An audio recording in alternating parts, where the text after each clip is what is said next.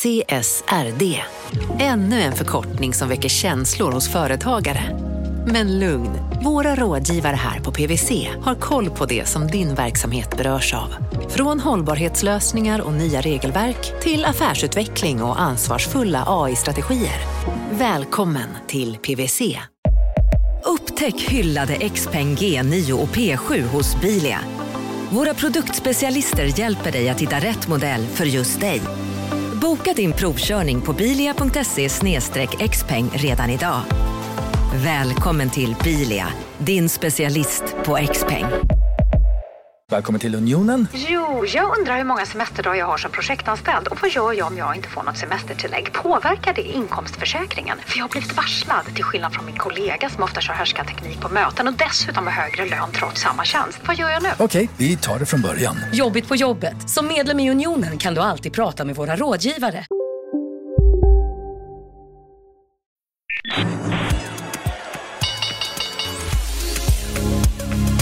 Det här är Marknaden med Helene Rothstein.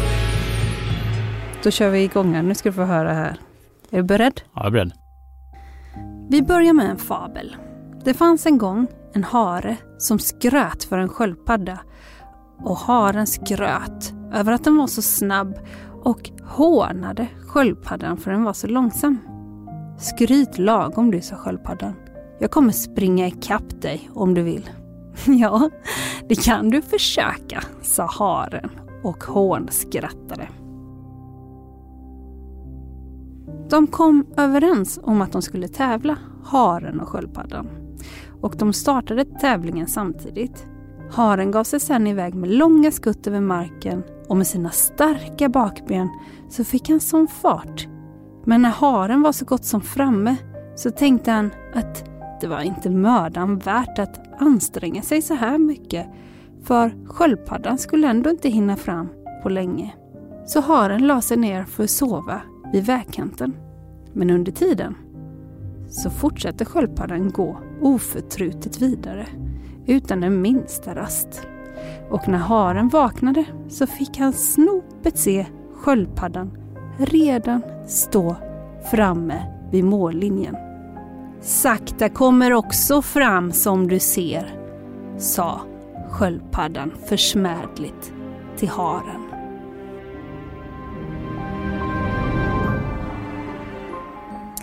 Jag säger hej och hjärtligt välkommen Pontus Dackmo. Tack, kul att vara här. Vi har precis eh, inlett med en fabel. Japp. Och det är en fabel som jag snappade upp från ett utav dina, eller era, investerarbrev som ni skickar ut till era investerare. Just det. Och innan vi går in på den här fabeln så ska vi säga att eh, du har startat en fond Mm. med Carl Gustafsson. Protean Select heter fonden. Varför har ni startat den fonden? Ja, upprinnelsen är att vi båda kan förvalta pengar i en institutionell miljö, det vill säga vi har jobbat Eh, med institutionell förvaltning på olika vis i snart 20 år och att vi ville jobba själva med det, med våra egna pengar. Eh, och när, vi, när jag då startade upp tillsammans med en, en finansiär under förra året så fick vi en hel del inkommande samtal från andra kapitalstarka personer som önskade att vi kunde förvalta lite av deras pengar också. Eh, vilket gjorde att vi undersökte den här möjligheten att starta en fond för att så fort du vill förvalta någon annans kapital så är det tillståndspliktigt och då blir det en lite större eh, apparat. Och den apparaten drog vi i mål nu då, första maj, så lanserade vi. Så vi har ett, ett startkapital från en handfull family offices, eh, professionella investerare och andra. Och sen har vi öppnat upp för vänner och bekanta att investera i fonden via än så länge då Nordnet och Avanza. Ni vill inte bli hur stora som helst som Nej. fond. Eh, Det finns ett tak liksom som ni tänker, vi vill inte kliva över det här taket. Stämmer. Varför vill ni inte det? Jag är helt övertygad om att eh, är man investerare i Norden som vi är, det är den marknad vi kan, så finns det fantastiska möjligheter eh, bland lite mindre bolag emellanåt. Och ju större du blir, desto färre sådana möjligheter kan du utnyttja på ett rimligt vis. Du blir en elefant i en porslinsbutik och du kan inte handla och du kan inte komma in och framförallt kan du inte komma ur när du vill komma ur, eh, ur sådana situationer. Du blir inte snabbfotad och det blir svårare att skapa avkastning i en stor fond än en liten fond. Det är min personliga övertygelse. Och det har också att göra med att vi optimerar för avkastning i vårt fondbolag istället för intjäning i fondbolaget. Det är vår uttalade strategi att vi har försökt sätta en rimlig strategi. Vi eh, tar inte för mycket betalt. Det finns bara en andelsklass, det vill säga om du kommer dragandes med en jättestor påse pengar så på de flesta ställen så finns det en andelsklass där du kan stoppa in pengar och, och få en rabatt. Du betalar lägre avgifter helt enkelt. Ehm, det har inte vi. Vi betalar samma avgifter som alla andra själva till fondbolaget för att det ska bära sig. Och med den tillgångsmassa som vi har idag så är vi inte, vi är inte lönsamma om vi inte skapar avkastning. Så det är där, lite därför jag sitter här idag. Jag är inte superroad av marknadsföring. Eh, men för att vi ska ha en bärkraftig business så, och för att vara en relevant spelare i marknaden så att vi kan få den service vi vill ha så att bolag vill träffa oss så kan vi inte ha 400 miljoner kronor utan vi behöver komma över en miljard. Då är vi en rimlig spelare och där tror jag också att någonstans sweet spot ligger mellan en och en halv, två och en halv miljard. Då har du hittat en avvägning mellan eh, där du kan skapa avkastning givet de möjligheter som finns här i Skandinavien och att du är en relevant motpart. Eh, för annars är det ju när man startar fondbolag, det är väldigt skalbart. Du kan ju tjäna väldigt mycket pengar ganska snabbt. Ja, det är fenomenalt skalbart. Ja. Det, var därför det, finns, eh, det är därför jag har full förståelse för de som startar som ett företag och tänker att det här ska vi tjäna jättemycket pengar på. För att dina kostnader är fasta i väldigt, väldigt, väldigt hög utsträckning. Så när du väl når break-even och kan du dubbla och tiodubbla din intjäning baserat på att du har en stor påse pengar att förvalta, så dubblar och flerdubblar du din vinst helt enkelt. Så det är ju fenomenalt lönsamt. Det är ju bara att fråga eh, herrarna på Norrmalmstorg hur det har gått. Kungsgatan finns också några man kan fråga. Ja, det gör det nog också. Ja. ja. Du, eh, jag, du lyssnar ju här nu på den här fabeln mm. och det kommer från ett av dina investerarbrev. De är väldigt ambitiösa, de breven ni skickar ut. Ja, kul eh, att du tycker det. Vad läser du in i den här fabeln med då sköldpaddan och haren? Det är ju, igen har det att göra en del med hur den här branschen fungerar. För att om du startar ett fondbolag och du vill, med alla de kostnader som det innebär, det är ju otroligt mycket regleringar och otroligt mycket hängslen och livrem så fort du ska ta in andra människors pengar. Så det, det, det är förknippat med en hel del kostnader. Så att uh, the barrier to entry som man säger är ju väldigt hög. Um, och det jag läser in är ju att om du ska starta från scratch en, en förhoppningsvis framgångsrik fondprodukt så måste du antingen ha väldigt stor påse pengar själv och finansiera det här experimentet. Eller så måste du ha fenomenal avkastning från början för att då attrahera insättningar. Och här är motsägelsen då att fenomenal avkastning på kort sikt. Optimerar du för det, då tar du förmodligen ganska stora risker. Och vem är det då i fabeln? Ja, det är ju haren naturligtvis, för att vara övertydlig. Alltså du, du kan springa snabbt som bara den och tro att jag tar ett bett på det här. Jag har en koncentrerad portfölj, jag har en tes och jag har alla mina innehav pekar på att den tesen ska vara riktig. Och har du då rätt, då blir du en rockstjärna. Du har fenomenal avkastning år ett, kanske år två, kanske till och med år tre och vips så har du, du är hemma. För att så lönsamt kan det vara med fondbolag. Men sen kanske någonting händer och du, du har lovat dina investerare att jag investerar efter den här filosofin. Jag har en koncentrerad portfölj, det är jättebra. Eh, men sen kommer det som nästan alltid händer och det är att du har fel. Och då går du från hjälte till nolla på ingen tid alls. Och det tycker jag man kan se nu i både sociala medier och i pressen att de som eh, under de senaste åren har varit fenomenalt rätt positionerade för en lågräntemiljö och där tillväxt har premierats framför allting annat har ju lyfts fram som, som rockstjärnor. Eh, Medan nu är det ju nu är det jaktsäsong på, på de som har stått på de barrikaderna och hävdat att evig tillväxt är, är det som är eftersträvansvärt och som ska prissättas eh, in absurdum. Som jag läser mellan raderna när ni beskriver er fond, som ju också är hedgefond också mot småbolag. Det vet jag inte om det kom fram innan när du presenterade det. Nej, och det, Det är både och. Det är sådär. Fondens namn Protean betyder mångsidig. Eller versatile på engelska. Jag vet inte, det finns inget riktigt bra ord för versatile på svenska. Um, och en spegling av det är att när vi satt under liksom sommaren och hösten förra året och funderade på hur fungerar marknaden just nu och vad är det som funkar nu och hur vill vi att vår strategi ska se ut. Då är det så här, ah, nej men nordiska småbolag har ju haft en fenomenal period av avkastning de sista ja, nästan 20 åren, men de sista åtta åren i varje fall. Så där tänkte vi att där vill vi också fiska. Så vi beskrev fonden ursprungligen då som en småbolag, att vi kommer ha en övervikt mot småbolag. Och det är fortfarande egentligen vår avsikt, men till saken hör då att vara mångsidig och att försöka ändra sig allt eftersom marknadsförhållandena ändrar sig. När vi lanserade fonden i första maj, då hade alltså marknaden redan gått ner 20 procent. Det fanns ingen likviditet.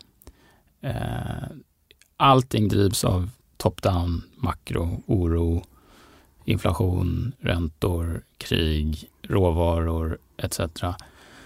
Att då gå ut och tro att du ska skapa överavkastning genom att äga små tillväxtbolag. Ehm, det tror jag inte är rätt idé, utan jag tror snarare att det är sköldpaddans tid. Det vill säga äg rimliga, rimligt värderade bolag, håll ett öga på det som har betydelse för marknaden och ta risk där du ser att det finns en rimlig uppsida eller nedsida. Och i och med att vi är en hedgefond, då, vi har ju försökt designa så att vi har maximal flexibilitet och det har ju sina för och nackdelar när man ska marknadsföra för att det inte det är inte alldeles enkelt att förklara för en institutionell investerare att ja, du investerar i det här nu, men om ett år kanske marknaden ser annorlunda ut och då ser vi också annorlunda ut, mest sannolikt, om vi har lyckats göra rätt. Så vi startade ju mer som en ja, nästan marknadsneutral fond när vi drog igång. Och det visade sig i efterhand då att det var ju rätt. Så vi har ju haft lite tur som sköldpadda att vi inte gick in helhjärtat i småbolag som har kommit ner 30, 40, 50, 60 procent för de är ju ner ytterligare 20, 30 procent nu. Men med det sagt så, så har vi sista veckorna börjat nosa i en hel del saker som jag tycker börjar se riktigt attraktivt värderade ut på lite längre sikt. Ja, för jag skulle också säga att ni verkar inte liksom frälsta, om man säger så här, investeringsfilosofiskt frälsta, utan det verkar vara, ehm, ni tittar på undervärderade eller bolag helt enkelt. Är det, Mm. kan- enligt er, era mått mätt, kan man säga så? Ja, det är väl ambitionen att de, alltså vad är undervärderad där? Det är ju en subjektiv fråga. Du kan ju räkna, både räkna och tycka och ha åsikter om alla möjliga tal och strategier. Men någonstans, jag tror ju att det är en kvalitativ verksamhet att vara fondförvaltare snarare än en kvantitativ verksamhet. Så varje enskilt beslut följer ingen mall. Utan du har du har en filosofi och du har en erfarenhet. Jag, jag och Karl har jobbat med nordiska aktier. Jag började 2005 i London som institutionsmäklare, eller då var jag ju knappt institutionsmäklare, jag var mer eh, deskslav. Eh, så jag har ju sett hur, vad ska man säga, hur korven blir till. Det är ju, vi har varit inne i korvfabriken ganska länge. Och det är så otroligt många strategier och så otroligt många aktörer som har helt olika agender som, gör, som avgör hur ett pris sätts på en aktie. Så man får liksom ha respekt för att det finns inte bara ett sätt, utan det finns väldigt många sätt. Och en intressant lärdom från en lång tid som institutionsmäklare är ju du träffar väldigt olika kunder hela tiden. Du är rådgivare åt väldigt olika kunder hela tiden. Och det innebär att din, ditt jobb är att lära känna den här investeraren och dens filosofi och vara den som säger till att nu ska du titta på den här, för den, det här passar dig. Det här passar din strategi. Så som, och hur du tänker. Exakt, ja. så som institutionsmäklare så då har du ett gäng analytiker som, som churnar ut case och analyser och så vidare. Så tar du och plockar de bästa därifrån och riktar dem då till rätt person. Eh, och det tvingar dig att hela tiden tänka väldigt annorlunda som rådgivare. För att jag hade exempelvis så har jag haft några av världens största pensionsfonder som mina kunder och numera vänner och faktiskt några av dem till och med investerar i fonden, vilket är väldigt, väldigt roligt. Eh, och de investerar ju på liksom tio års sikt. Så där handlar det ju mer om att okej, okay, nu eh, har du koll på det här lilla bolaget som kommer upp. Det otroligt starkt management. De har en långsiktig strategi, de gör si och så och jag vet att du gillar det här bolaget som du har ägt i tre år. Det här påminner lite grann om det. Du kanske ska träffa dem när du är i Stockholm nästa gång om sex månader. Jag kan hjälpa till att sätta upp ett möte och så vidare. Så adderar du värde till en sån kund. Medan en hedgefond som eh, inte drar sig för att agera kraftfullt en minut efter du har gett dem en idé funkar på ett helt annat sätt. Där, så, har, ja, där kan det ju vara någonting, någonting, att identifiera någonting nytt som har hänt eller en ny vinkel på någonting och känna att okej, okay, det här kommer flytta priset. Och då vill jag att min kund ska vara först. Det är det han värdesätter mig för. Så min, för att komma tillbaks liksom, till min poäng är ju att det är den skolan jag har växt upp i, är att se saker och ting ur en himla massa olika perspektiv. Och det är därför vi har designat den här strukturen och våran liksom approach till att investera är ju att det finns ju inte bara en sak som funkar. Och som om inte det vore frustrerande nog så ändras ju vad som funkar över tid dessutom.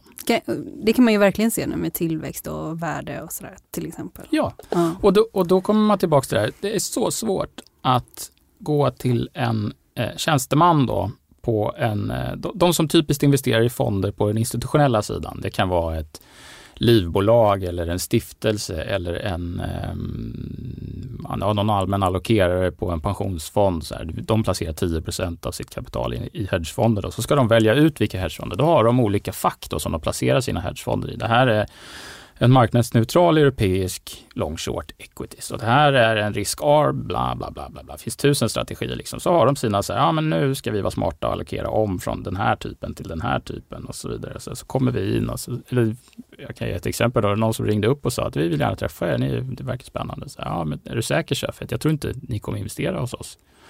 Nej men absolut. Så, så vi gick dit och träffade dem och eh, deras konklusion efter mötet var att det här går nog inte för vi kan inte, vi kan inte riktigt karaktärisera er. Liksom. Vi har ingen allokering för någon strategi som är föränderlig över tid. Och som dessutom inte är vare sig mörkgrön eller ljusgrön på ESG-sidan. Um, ehm, nej, jag, jag sa ju det, sa jag. Vilka var det? Nej, det tänker jag inte säga. Men det roliga med det där mötet var att båda de två som vi träffade eh, investerade själva privat. Nej. Jo. Så det, det är så här, agency principle-problemet är väldigt tydligt i finansbranschen. Du måste ticka boxar på buzzwords för att få institutioner och uppmärksamhet och gratis marknadsföring. Du kan inte ha ett, eller ja, du kan, ja, vi har ju det, men vi har ju, det här är ett pri, privat, personligt projekt. Vi driver det här för att investera våra egna pengar som vi vill. Och vi vill investera i en institutionell miljö. Vi vill ha tillgång till bolag, vi vill ha tillgång till eh, mäklarhusens analytiker, vi vill ha tillgång till flödena som vi får via mäklarhusen och så vidare. Och då måste vi ha lite skala. Vi måste komma upp och ha mer pengar än den lilla peng som jag och Karl har lyckats skramla ihop och investera ihop under de sista 15-20 åren. Så vårt why är ju för att vi måste. Och våran pitch är ju, ni får gärna investera med oss, men ni måste inte. För vi tänker göra som vi vill, för det, vi ser det här som våra pengar som vi förvaltar. Och i en institutionell miljö då, alltså, så ser allokerare här så ja men investera i era egna pengar, men det blir ju då, då finns det två utfall. Antingen tar ni för mycket risk eller så tar ni för lite risk. Och jag har mött båda. Och jag tycker att ja, nej men då ska ni nog inte investera hos oss. Tack. Peter Gyllenhammar är, var en tidig ankarinvesterare och har ju gått in med pengar. Jag mm. tänker han är ju ganska klassisk värdeinvesterare. Absolut, han är, eh, han är en fantastisk eh, person och en otrolig tänkare och betalar gärna 20 öre för en krona om man kan. Ja, det låter ju bra. Eh, hur lärde ni känna varandra? Vi hade, när jag har jobbat som mäklare så hade vi en del gemensamma intressen i en del bolag som han var engagerad i och då började vi föra en dialog eh, och kom väldigt bra överens. Eh, så han, jag är väldigt, väldigt tacksam för min vänskap med Peter. Han är en fenomenal investerare och en väldigt, väldigt duktig person generellt. Marknaden sponsras av SPP, pensionsbolaget. Eh, förra gången pratade vi lite om ITP. Och som en kort repetition så, så var det ju 70-tal, arbetsmarknadens parter bestämde att alla tjänstemän ska ha en tjänstepension. Man kom överens om vilka villkor som ska gälla i den här pensionen och så kallade man den för ITP. Så jobbar man idag som tjänsteman i ett företag med kollektivavtal, då har man förmodligen den här pensionen, ITP-pensionen. Och det är ju så att man kan påverka eh, den här pensionen, hur den är placerad. Vart femte år så gör nämligen Collectum, som de heter, en enorm upphandling där olika pensionsbolag kan ansöka om att få förvalta eh, de här pensionerna. Och SPP är ett av bolagen som valdes ut i den senaste upphandlingen. Och sen kan du som pensionssparare välja eh, vilket av de här olika pensionsbolagen som, som då ska få ta hand om dina pengar. Och tanken med den här upphandlingen det är ju att liksom kvalitetssäkra de här olika alternativen eh, men också att förhandla fram stora rabatter så att pensionsspararna ska få ja, kunna spara pengar genom att avgifterna eh, som är så viktiga eh, blir eh, lägre. Och vill man välja någonting i ITP-systemet då finns det en relativt ny sajt som heter avtalat.se. Ehm, där kan man gå in och se hur sin ITP-pension är placerad. Jag gjorde det häromdagen faktiskt. Ehm, idén är att hälften av pengarna alltid ligger i något som kallas för traditionell försäkring. Det här gjorde vi ett avsnitt om i podden Kapitalet nyligen eh, som vi kallade världens bästa sparform. kan man lyssna på om man är intresserad. Eh, den andra halvan eh, den kan man också lägga i en traditionell försäkring eller så kan man placera det i något som kallas för fondförsäkring. Eh, SPP som sagt eh, var ju ett av de fåtal bolagen som valdes ut i den senaste upphandlingen och de finns med som alternativ både med en traditionell försäkring och med eh, fonder. Så det var en liten bakgrund till ITP-systemet. Vill man läsa mer om det här eller typ kolla hur ITP-pensionen är placerad, eh, kanske göra förändringar, då går man in på avtalat.se Eh, men tack säger jag till SPP som vill göra oss människor mer medvetna om hur enormt viktig pensionen är för oss som en framtida lön, men också som en positiv kraft i samhället eh, och förstås för att ni möjliggör eh, den här podden Marknaden. Om vi går tillbaka till att du var deskslav ja. i London. Var var du någonstans? Kan du berätta lite om din bakgrund? då var jag på ABG Sundal Collier i London. Och ehm, jag är väldigt tacksam för min första chef där, David Feinberg, en amerikan som ex-Goldman farbror som någonstans insåg att den här killen som inte hade en aning om vad ebitda var för någonting. Eh, jag trodde att det var en typ europeisk samarbetsorganisation eller någonting. Jag har inte läst företagsekonomi. Eh, att han eh, såg att jag hade potential att bli en helt okej säljare. För det är det man är som aktiemäklare. Man är relationsbyggare och säljare eh, och i andra hand kunnig inom investeringar. Så du kom dit eh, och så var du där. Du var där också under finanskrisen, va? eller hur? Ja, precis. Jag kom dit första dagen jag åkte in till jobbet var den morgon då det gick av ett gäng sprängladdningar i centrala London.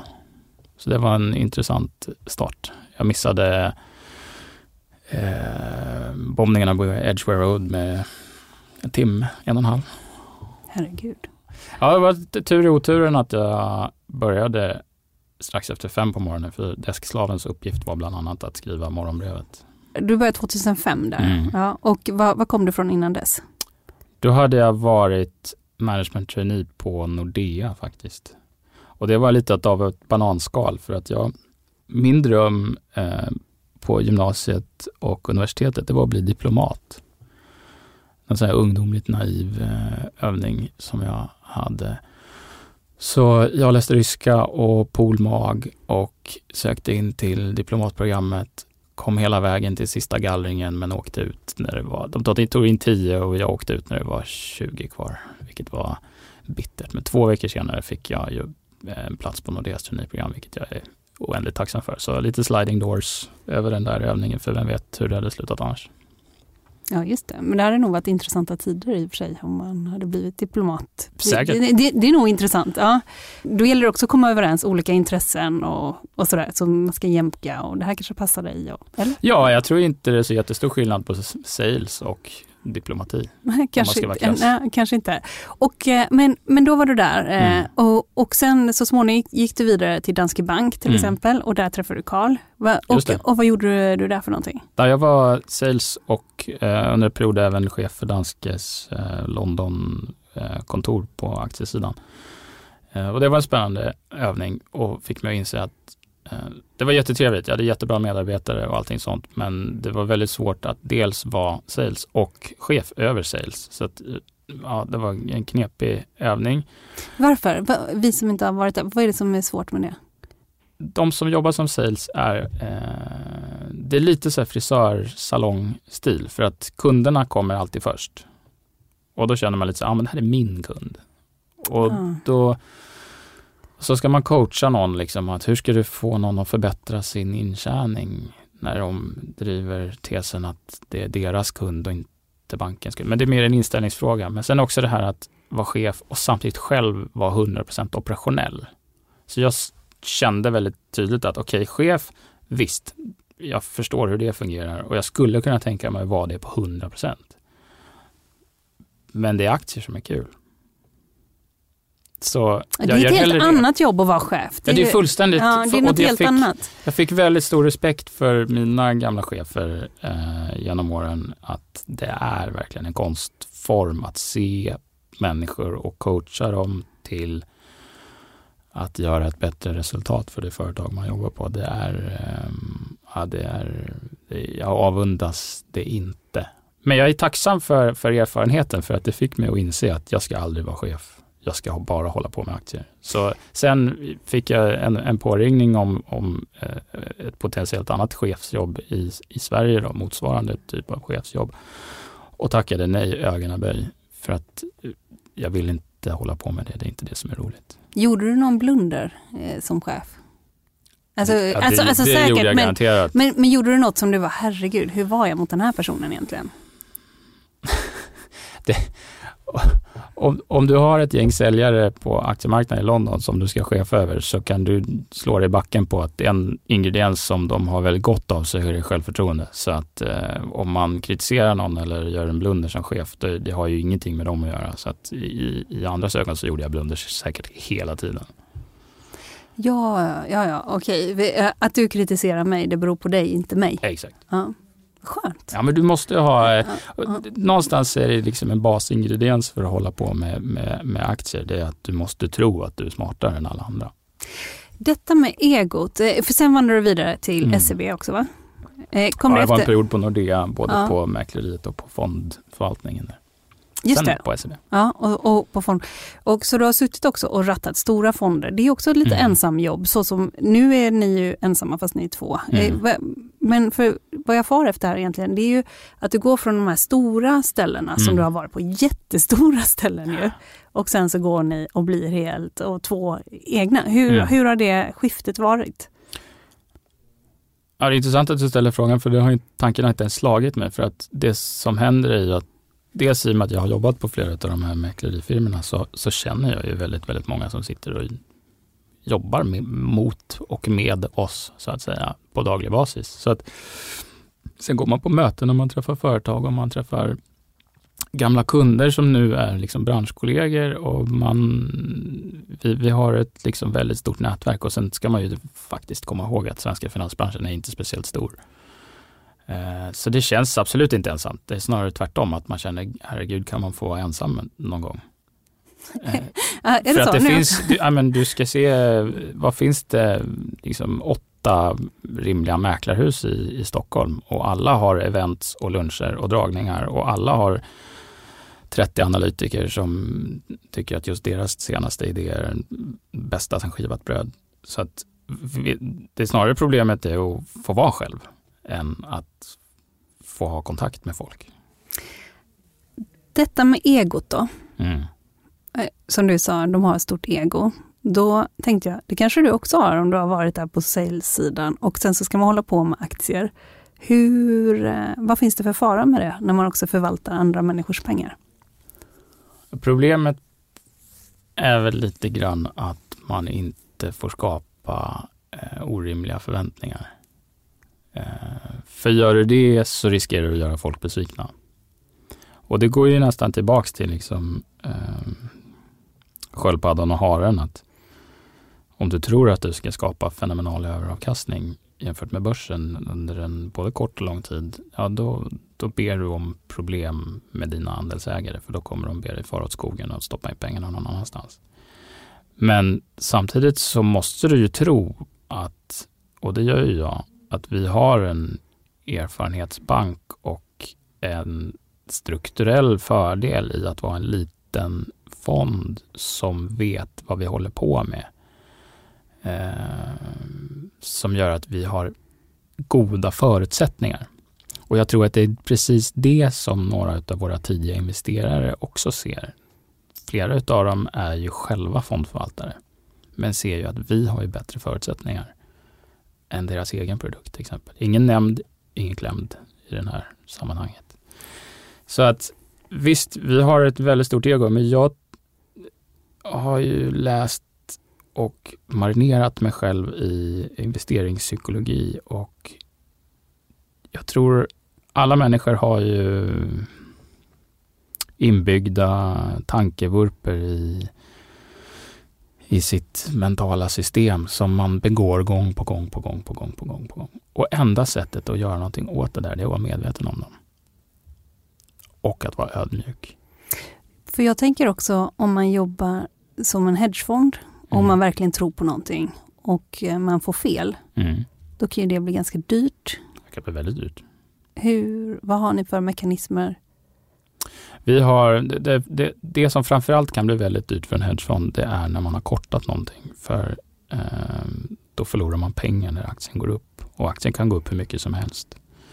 Eh, vilket innebär att du kan förlora hur mycket som helst. Eh, så som en, som en liksom försäkringspolicy mot vår egen dumhet så har vi uttalat för oss själva att om en, om en kort position går eh, emot oss eh, relativt marknaden, värt att tillägga, eh, med mer än 10 procent, då halverar vi den. Och går den emot oss med mer än 15 procent, då tar vi av den helt och hållet och så utvärderar vi vad har vi fel? Varför har vi fel? För bevisligen har vi fel. Eh, Så att vi är, försöker vara väldigt ödmjuka för våra egna brister. Och sen, gör vi, sen, sen tar vi inte, alltså kortpositioner för oss ska vara sånt som vi förväntar oss att tjäna pengar på. Det är inte för att eh, vi ska få en jämnare avkastning eller någonting sånt, utan det är, det är när vi tror att vi vet något som kommer få aktien att gå ner. Ehm, för det som verkar vara väldigt svårt med hedgefonder, det är du kan få rätt. Du kan ha rätt i att en aktie ska gå ner, Mm. Men du ligger fel i tiden. Ja, absolut. Alltså, alltså i så fall att du Ja, är ja. för tidig helt enkelt. Nej men så här är det att eh, i min erfarenhet då, förvisso relativt korta som faktisk hedgefondförvaltare, eh, så finns det bolag och aktier som eh, i grund och botten inte förtjänar att vara värderade där de befinner sig. Det är dåliga bolag helt enkelt. De har inte koll på sina interna processer, deras produkt är inte speciellt eh, fenomenal och de tar inte marknadsandel över tid och de tjänar inte speciellt mycket pengar på sista raden och de kanske har risigt kassaflöde eller någonting. Men sådana bolag har också ett existensberättigande även om de inte växer, även om de inte, ja de kanske betalar en liten utdelning. Men deras aktiekurser har en tendens att fluktuera något alldeles fenomenalt, vilket innebär att det kan vara en short idag och det kan vara en lång om sex månader och sen kan det vara short igen om tolv månader. Så att det där andra riskabla eh, shortningen där man tror att man har hittat eh, en, en fraud som ska till noll.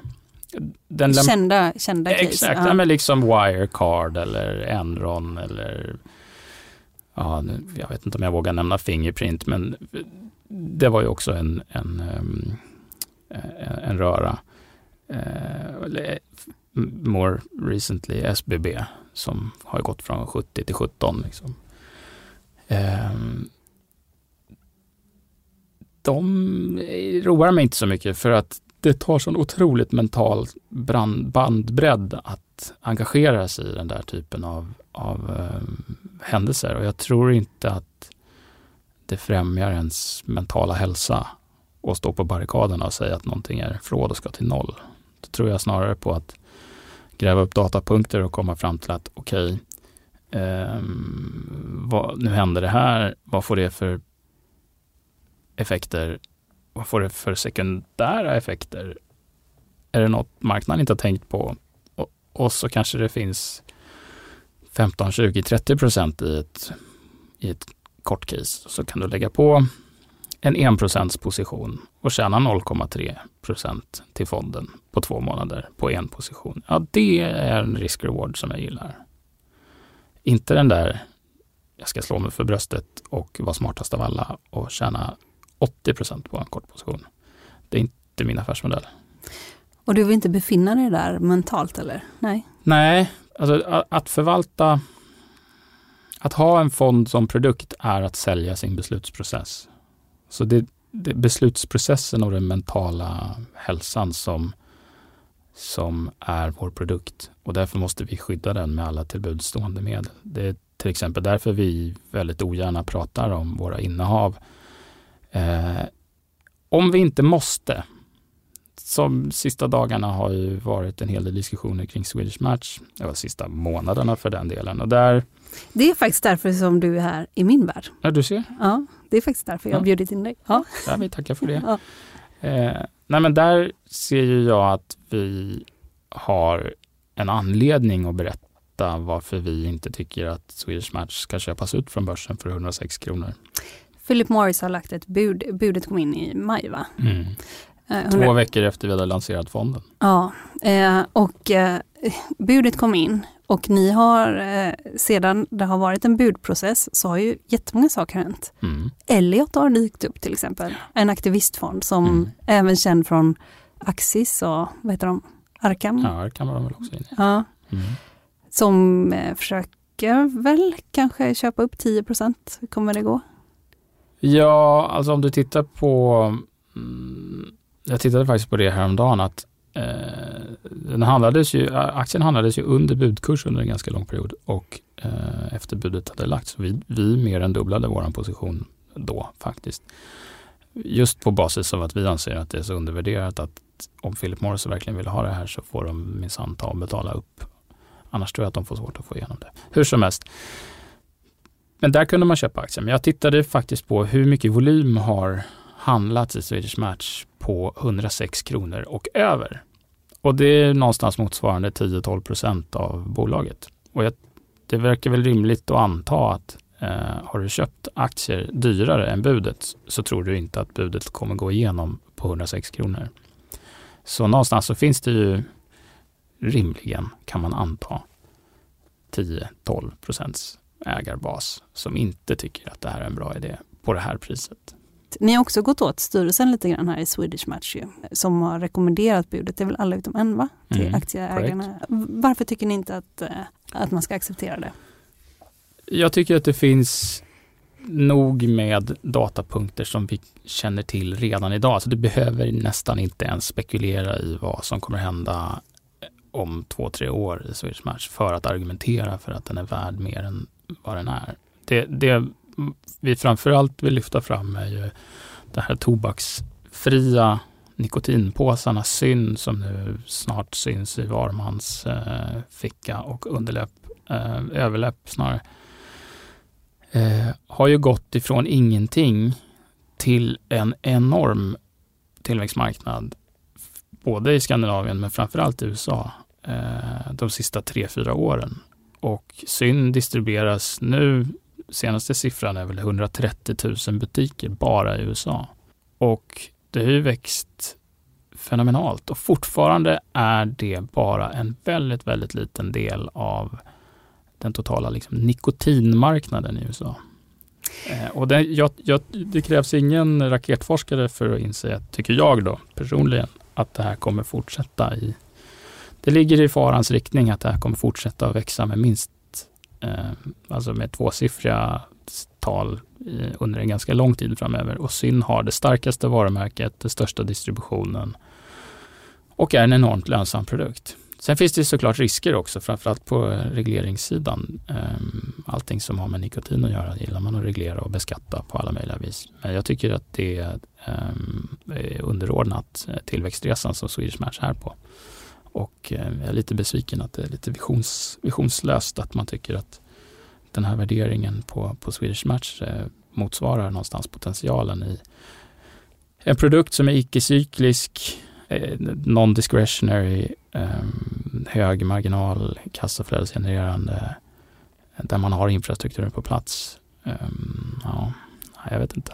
Alltså det är det absolut största innehavet i fonden? Ja, det är det. Det är mer än dubbelt så stort än det näst största innehavet. Ja, och det näst största innehavet? Det är en bank faktiskt. Det är en bank. För jag tittar här på Holdings mm. uh, och uh, då, då ser det ut som att det näst största innehavet är Nibe. Det stämmer inte? Nej, det stämmer inte. Nej. Har ni kvar Nibe? Nibe? Vi har kvar Nibe. Ja. Vi har um, inte kvar fullt lika många Nibe, men vi har lite Nibe. Och uh, banken, är det Nordea då eller? Det kan det vara. Ja, det kan det vara. För det står också här på Holdings, men då är det lite längre ner här. Ja, vi, den här Holdings, vi, vi gillar Holdings. Holdings är en jättebra produkt. Eh, däremot så eh, funkar den inte jättebra för hedgefonder för att vår infrastruktur är sån att vår prime broker, alltså vår bank som vi gör infrastrukturen med så att säga, lånar aktier och lånar ut aktier och sådana här saker. De, tar, de har en massa säkerhetskrav. Eh, vi måste ställa säkerheter till dem när vi gör affärer och då tar de eh, våra aktier. Så en hel del eh, av våra aktier som vi äger eh, står under SEBs namn. SEB är vår prime broker. Så ja. att, därför stämmer inte den här listan ehm, speciellt bra. Och samtidigt samma sak gäller att om vi har varit korta ett bolag och så täcker vi det bolaget, då har vi köpt aktier. Och under de tre, fyra dagar som det tar och, och den affären ska jobba igenom alla register och allt möjligt så kan det ploppa upp som en lång position hos oss i Holdings. Och det, på det pappret som du har framför dig så är det ett par stycken som det ser ut som att vi äger dem men egentligen har vi varit korta och köpt tillbaka dem. Intressant.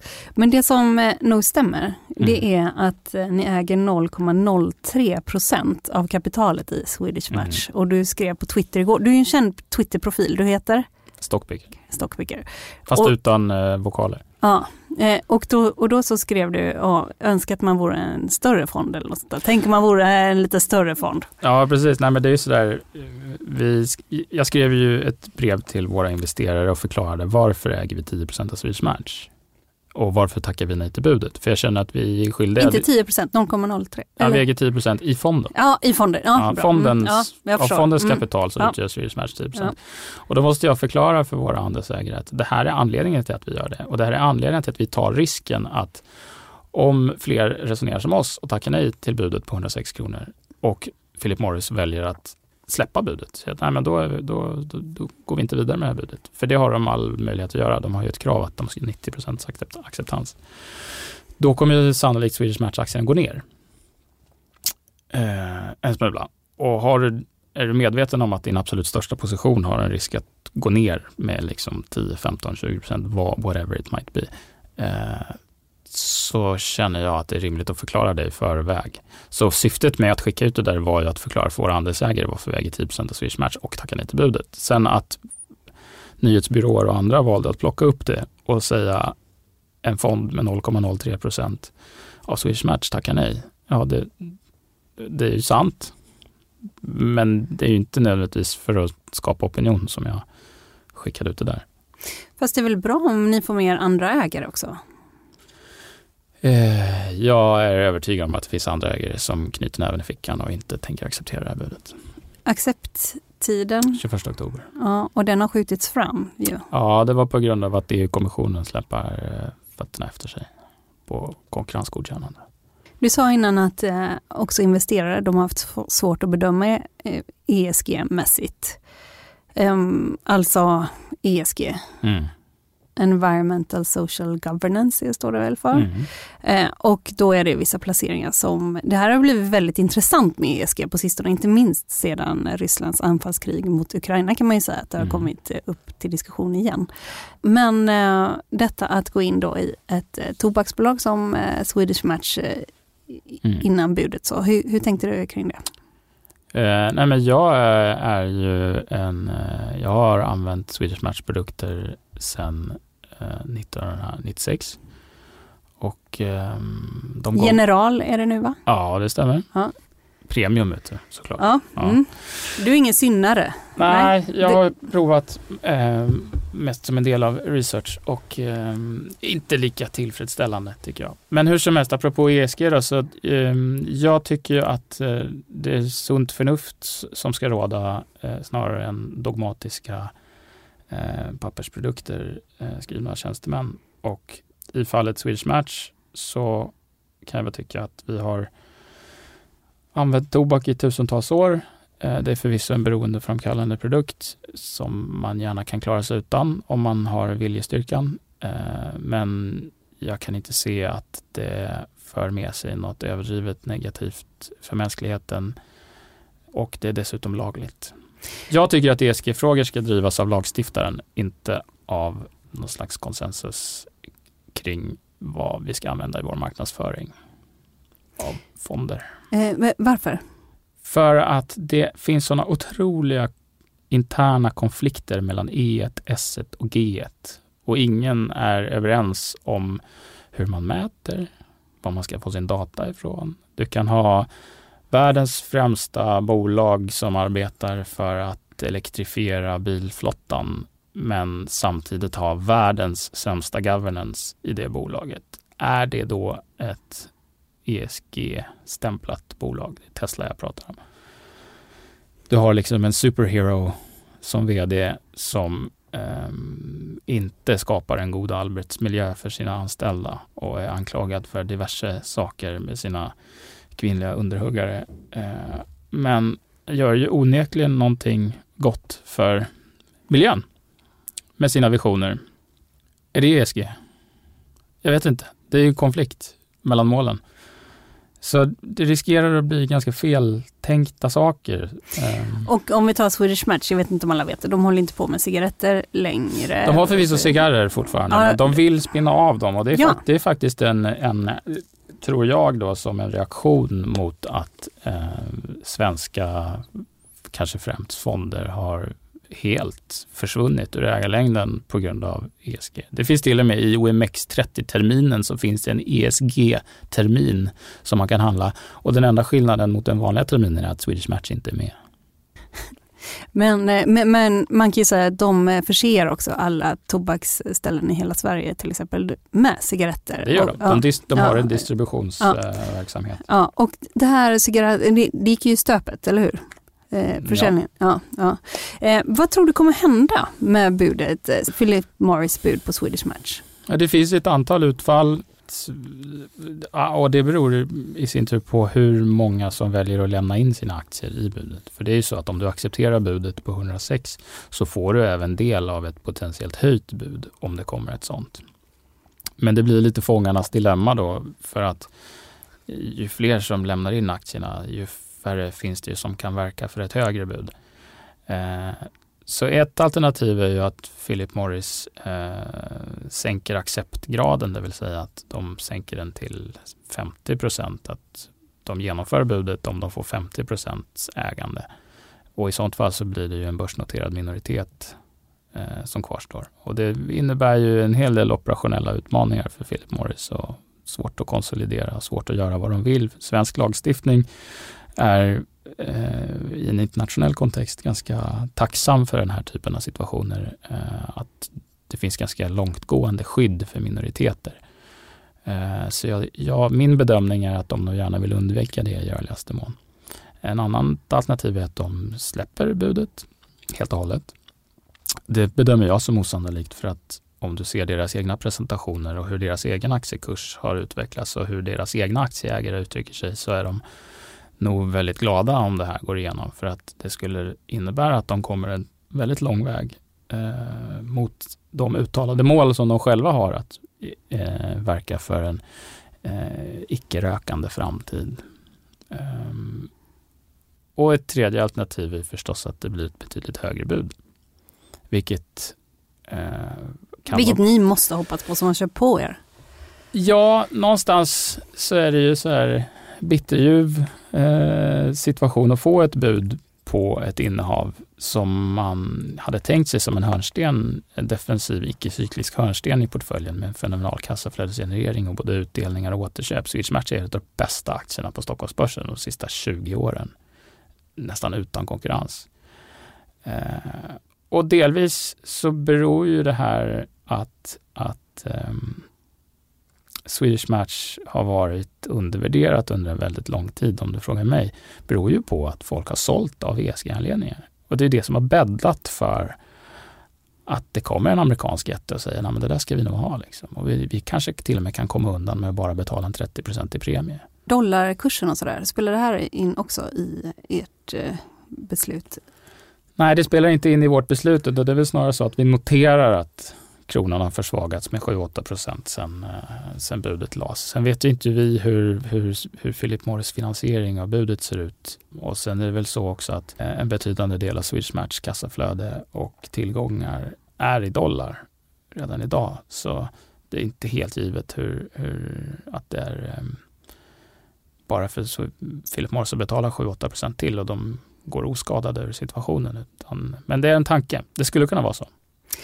Att det inte skulle kosta dem någonting att höja budet med motsvarande kronans depreciering. Eh, marknaden sponsras av Karla. Eh, vi pratar ju en hel del om bilar här på kontoret. Eh, Karla har ju skapat, skulle jag säga, det som är standarden för hur man idag köper och säljer bilar på nätet. Kort bakgrund bara. Karla säljer och leasar begagnade elbilar och laddhybrider på karla.se.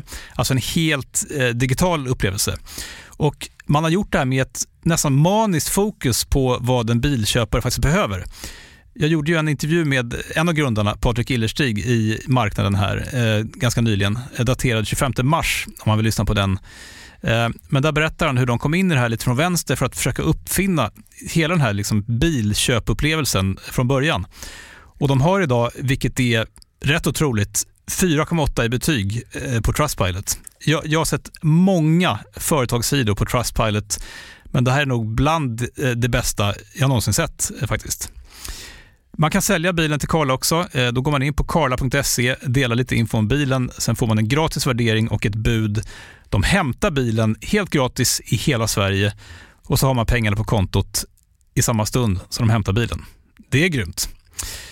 Eh, så ska du köpa en ny bil eller sälja din gamla, eller båda delar för den delen, gå in på karla.se och kolla. Alltså karla.se och Karla stavas med C.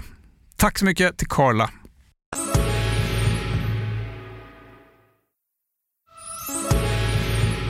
Nu är ju Swedish Match ett väldigt speciellt case. Ja. ja och eh, som också har blivit lite kul också när ni startar fonden och så att det här hände, eller? Det är väl lite spännande? Ja, men jag försöker vara, igen för att komma tillbaka till liksom den mentala hälsan, jag försöker vara akut medveten om att det här ska inte konsumera allt för mycket av min tid. Nej. Eh, det är trots allt bara ett innehav av många. Mm.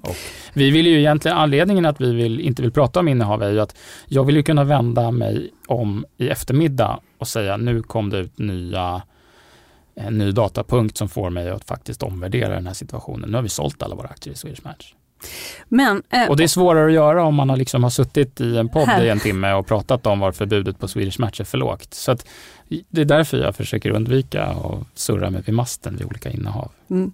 Och det gäller också korta positioner, då, Ja. eh, ännu mer. Ja. Plus, plus att det finns en, eh, vad ska man säga, det finns, jag har många följare på Twitter och jag, jag twittrar om bolag ibland och så vidare. Men jag gör det väldigt noggrant att inte göra det med bolag som vi har ett innehav i, att försöka peka i någon speciell riktning.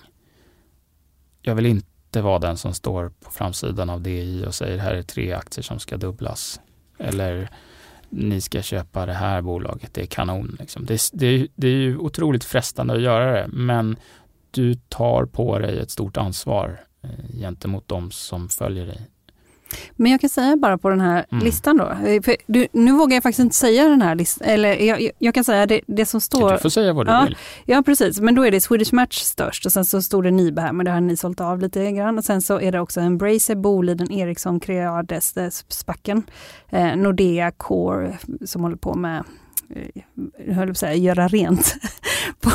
Som sköter, Facilities management. ja, som sköter eh, stora kontor och sådär. Mm. Och eh, SSAB, Sagax, Elanders, eh, Bergman och Beving. Beving, Elanders, Truecaller, Fagerhult, Investor, Essity och eh, Scandic till exempel, Trelleborg. Det här är ändå, det är inga riktigt, eh, hur ska man säga, tokiga nya bolag och sådär som man hittar på den här listan i alla fall. Så kan vi ju säga. Så kan jag säga. Nu saknas det ju då kanske 20 nordiska pa- Ja. papper på den här listan, Ja. ska man väl Ja. inflika. Vi har nästan 40 procent av fonden utanför Sverige. Ja.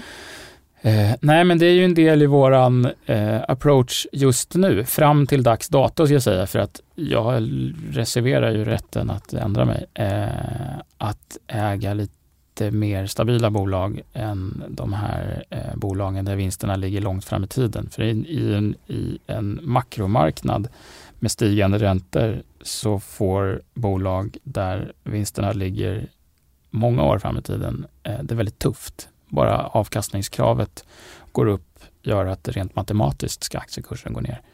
För du diskonterar de framtida kassaflödena med högre eh, räntor. Så det är by design som vi har en portfölj idag som eh, är mer tiltad mot defensiva bolag. Eh, Core som du nämnde till exempel är ju en defensiv, välskött bolag som växer förvisso med låga siffror, men de växer konsekvent. De är en sköldpadda. Eh, och det är okej att ha sköldpaddor i portföljen. Jag säger stort tack till dig Pontus Dackmo. Tack för att du kom Tack. och gästade podden Marknaden. Varsågod. Och vi säger så här. Harar, sköldpaddor, vad ni än är och kallar er. Det här är podden Marknaden. Jag heter Helene Rothstein och vi är tillbaks om mindre än en vecka. Det är bara några dagar. Håll ut. Hej då!